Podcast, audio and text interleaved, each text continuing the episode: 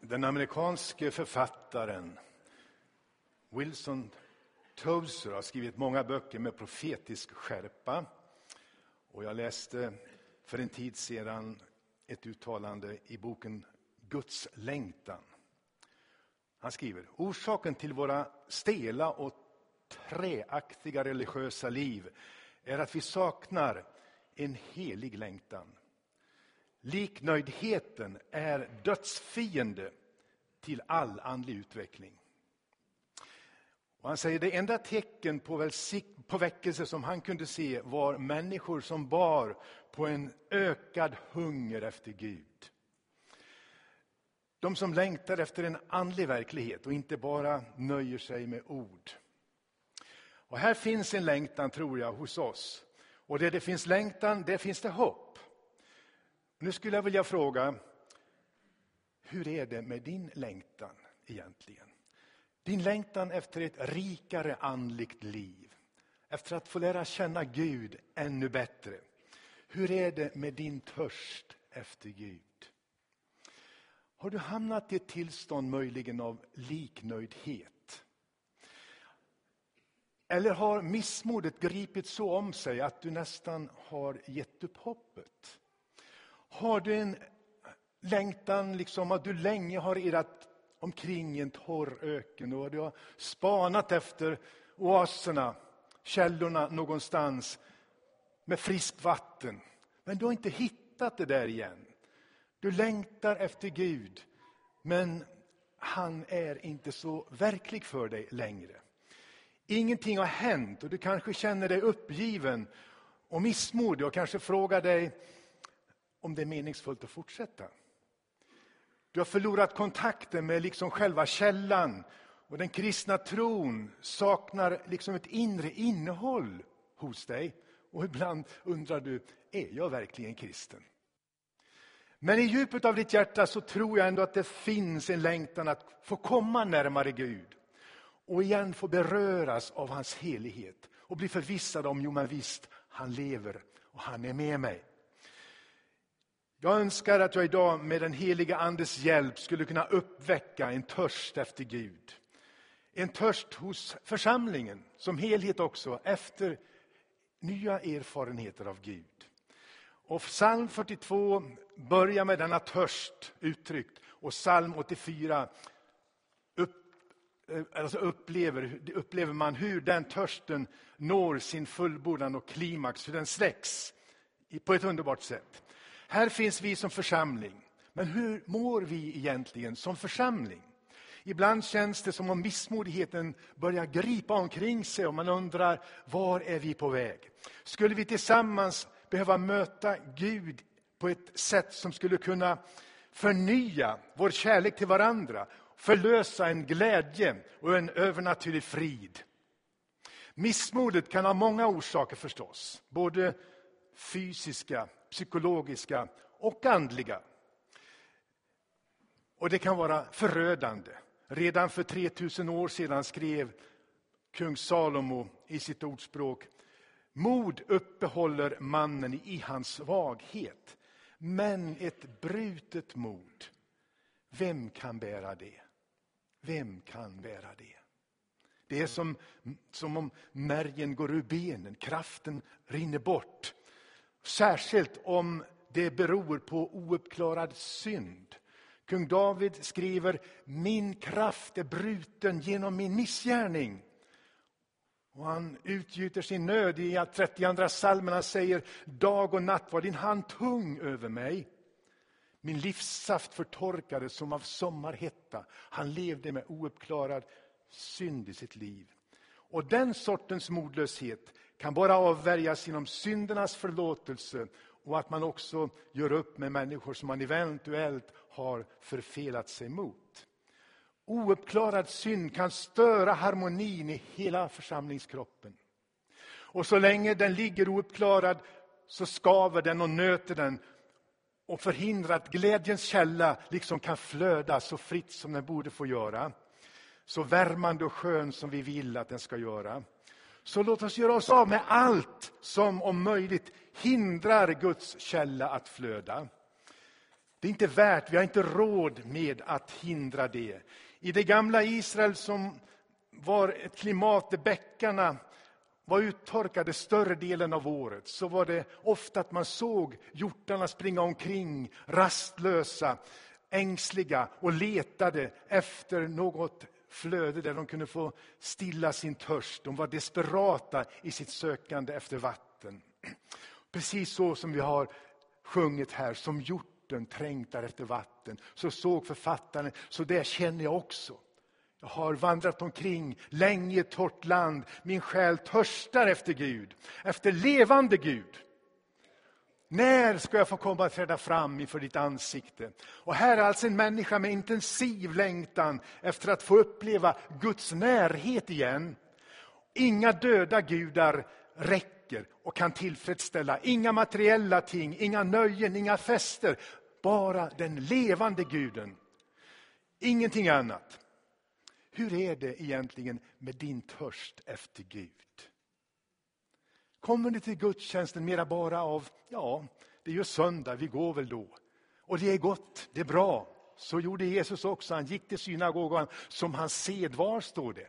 Men vi har rätt att komma hit med en intensiv längtan att få möta Gud.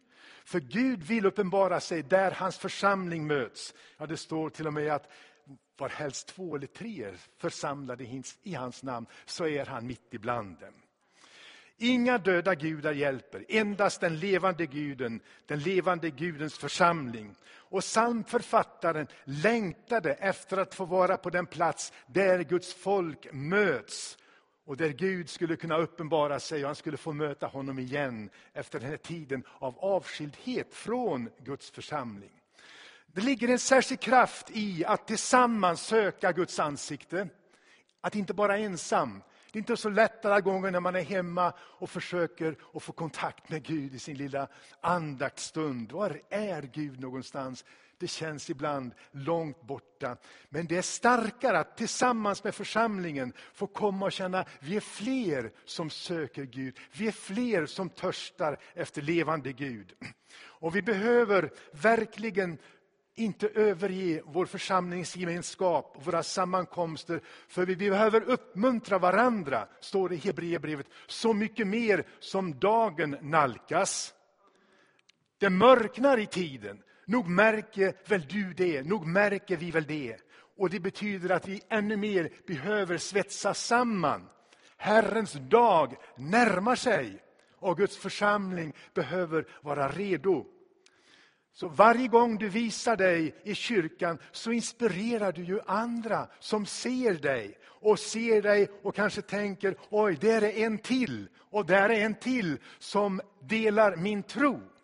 Så kom till kyrkan, inte bara för din egen skull utan också för andras skull. Det är gott att få se varandra i Guds hus. Du vet efter den långa resan över hela Medelhavet från eh, Palestina och, och eh, det här skeppsbrottet vid Malta så kommer så småningom Paulus ändå upp emot Rom i Italien. Och då var det några bröder, en liten grupp kristna som gick ner från Rom för att möta Paulus. Och då står det så här, att, att när han fick se bröderna så tackade han Gud och fick nytt mod. Fick nytt mod. Han behövde det. Finns du här idag som skulle behöva nytt mod? Då har du kommit rätt. Gud är här för att ge dig och mig nytt mod. Jag besökte för en tid sedan i den här församlingen en gammal kvinna på över 90 år som inte längre hade möjlighet att komma till församlingen. Och då sa hon så här. Åh, vad gärna jag skulle vilja komma till en gudstjänst i tabernaklet. Tänk när jag kunde gå till tabernaklet. Hon längtade hit, men hon kunde inte komma hit. Och jag tänkte på det, vi som har fötter att gå med, vi som fortfarande kan, sätter vi värde på att komma till församlingens gudstjänstliv. Psalmisten upplevde en sorg över att vara avskuren från gudstjänstlivet. Och han upplevde den här sorgen över att inte kunna gå dit eller komma dit så stark att han grät. Och han undrade, varför hör inte Gud mina böner? Varför ser han inte mina tårar? Varför befriar han mig inte från den här modlösheten? Och så säger han ändå till slut när han tänker tillbaka på hur underbart det var när han var i Guds hus tillsammans med Guds folk. Och han får nytt mod och han predikar till sig själv och säger, ge inte upp, sätt ditt hopp till Gud. För jag ska åter få tacka honom för frälsning genom honom. Det kommer en dag, säger han till sig själv, då jag åter ska få tacka honom, då missmodet ska få ge vika. Och precis så blev det. Precis så blev det, Gud vare lov. Samma författare som har skrivit psalm 42 skrev senare också psalm 84. Där psalmisten liksom gläder sig över att nu är han där han så gärna ville vara, i Guds gemenskap med Guds folk. Oh, att jag kunde teckna psalm 84 för dig, så det uppstod en längtan hos dig, en törst hos dig efter den levande guden. Min själ trängtar och längtar efter Herrens gårdar, börjar psalm uttrycker han i psalm 3 här, i, i, i vers 3, förlåt, i psalm 84. Min själ och min kropp jublar mot levande Gud. Alltså Gud vill möta dig så att det känns i hela kroppen. Är du med på det? Gud vill möta dig till både kropp och själ. Så att du kan jubla. Och det är ett exalterat verb för att uttrycka glädje. Exalterat, jublande glädje med kroppen och med själen. Så vill Gud möta dig.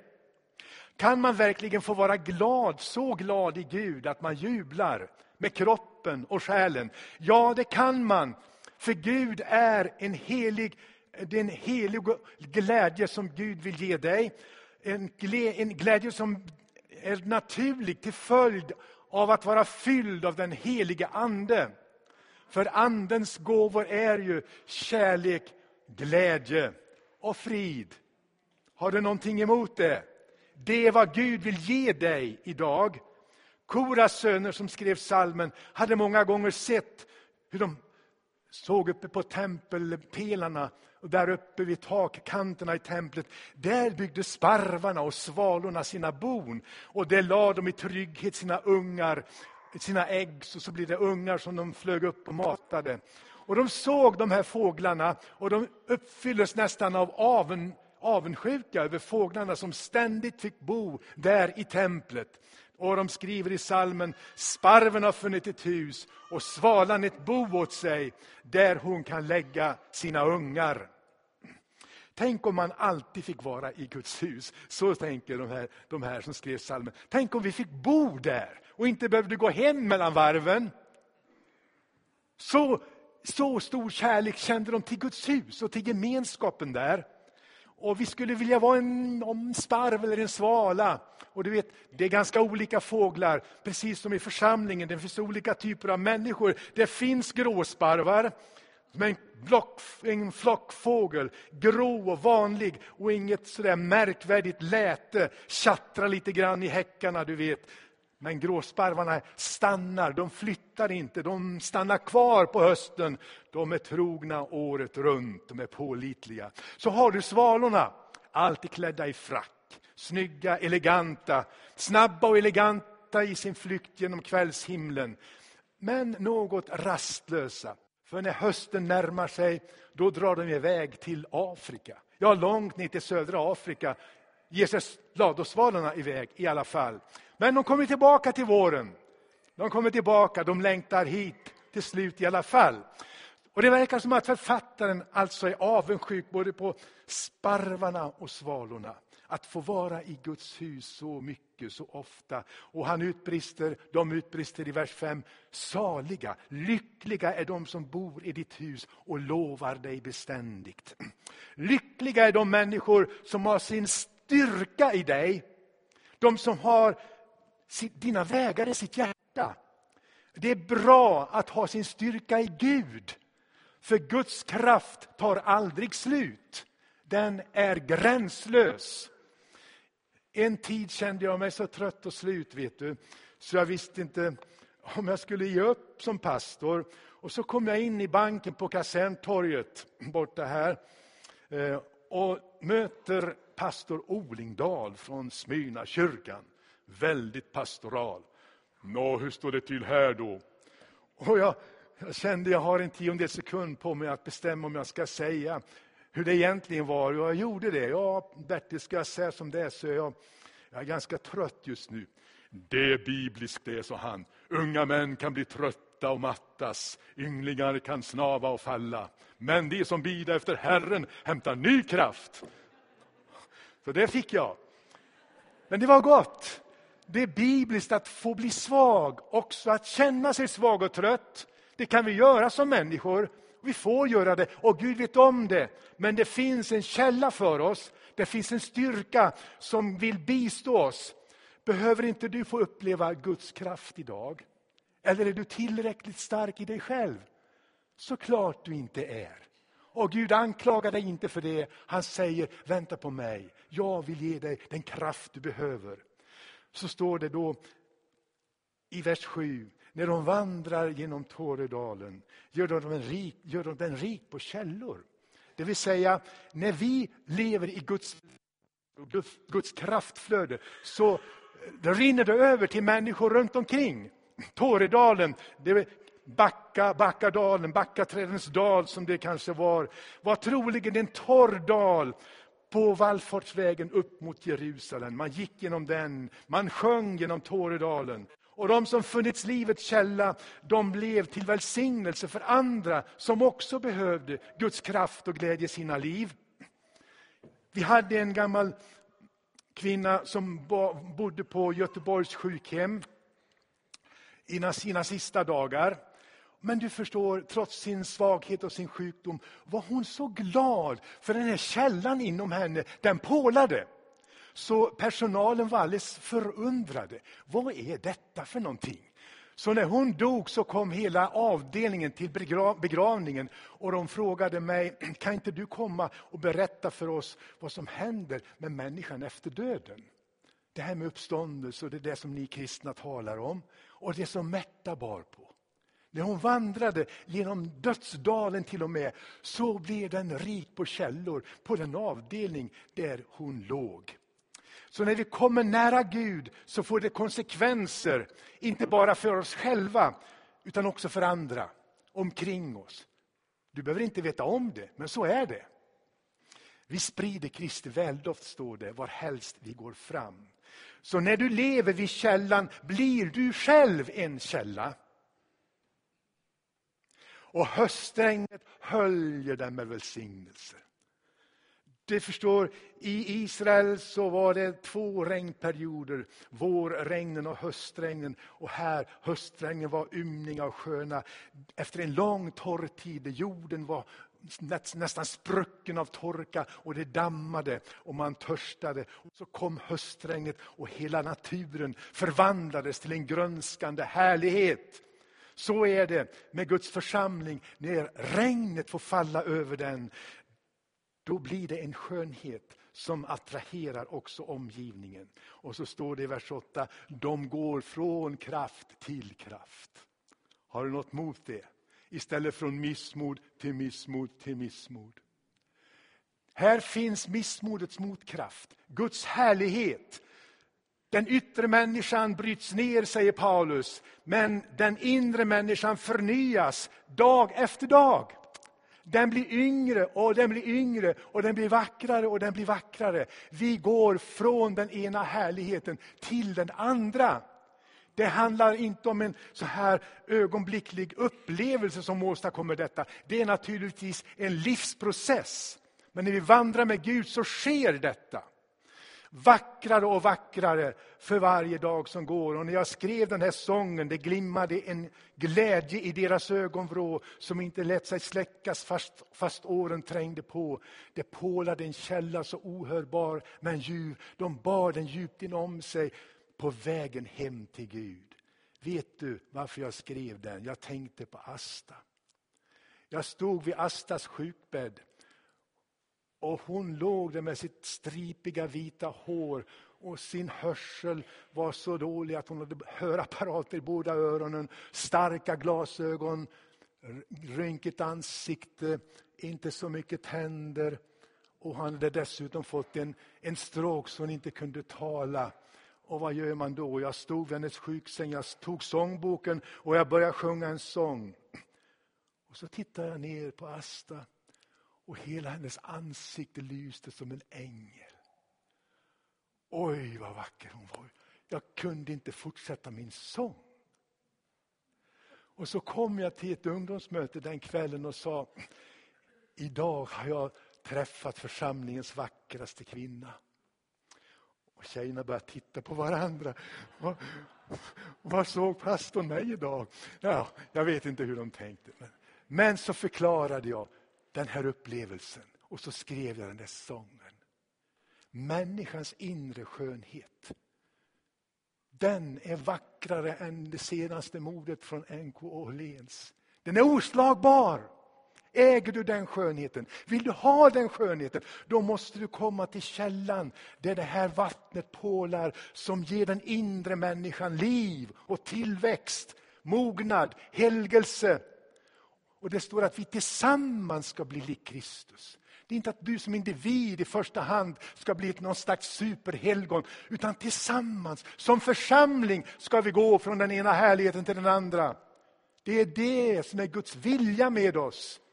Men då måste vi också tillsammans helgas inför honom och förvandlas av hans härlighet. Om du är törstig så blir du till välsignelse också för andra.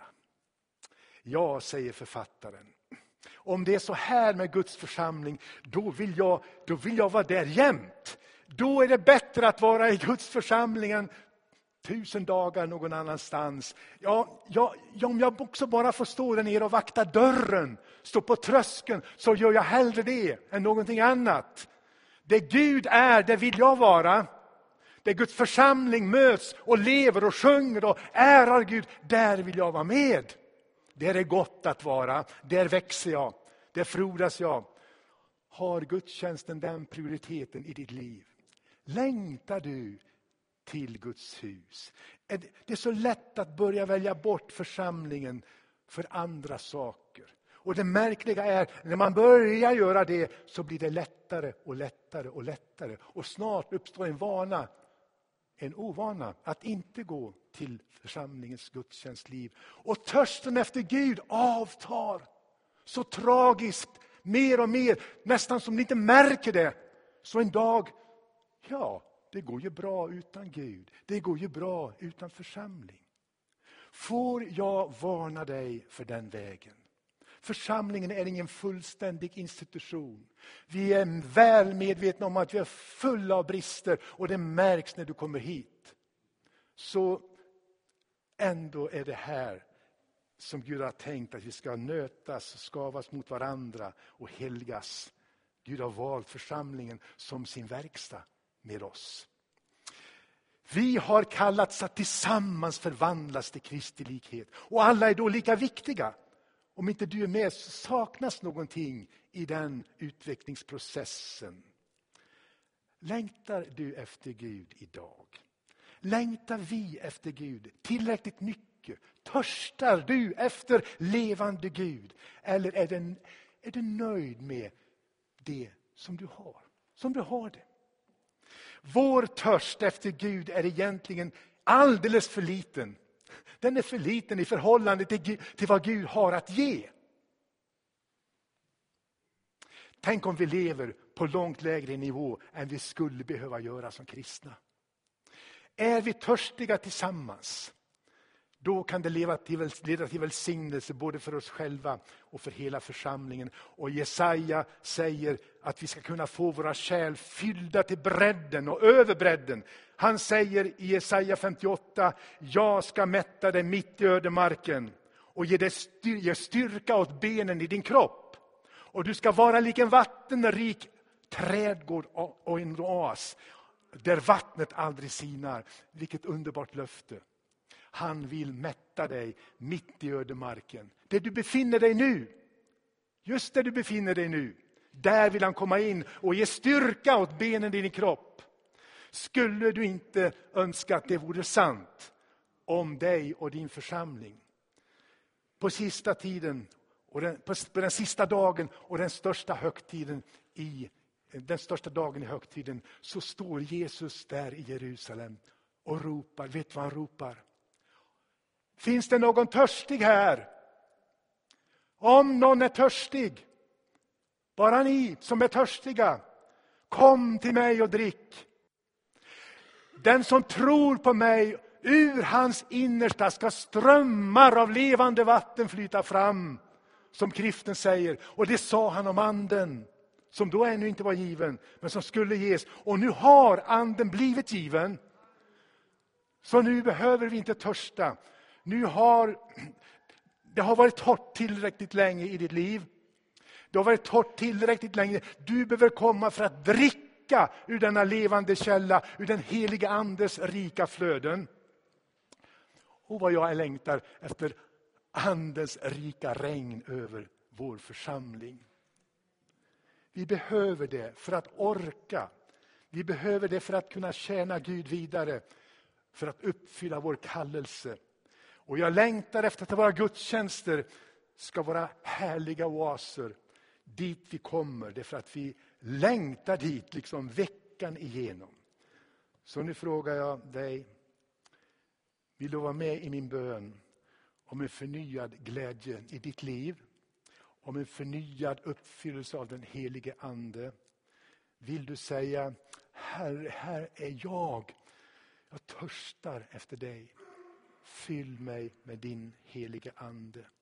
Och förlåt mig om det är någonting som ligger i vägen för, för vad du vill med mig. Låt oss bedja. Vi kan stå upp.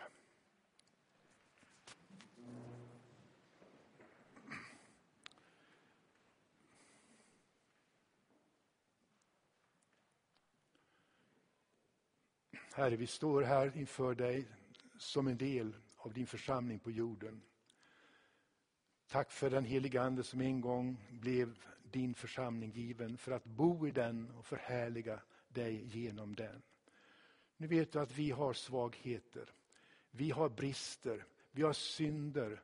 Och nu ber vi Herre, du som ser detta, förlåt oss. Rena och helga oss. Gör någonting nytt med oss, Herre. Låt oss på nytt få uppleva den här glädjen som vi vet finns bara hos dig. Jag ber särskilt för den som känner, oj vad det här talar till mig. Som har irrat omkring så länge i öknen. Finns det möjlighet också för mig att få uppleva Gud? Ja, det gör det, säger Herren. Idag är den dag då jag vill fylla dig på nytt med min helige Ande och eh, infria mina löften till dig, säger Herren.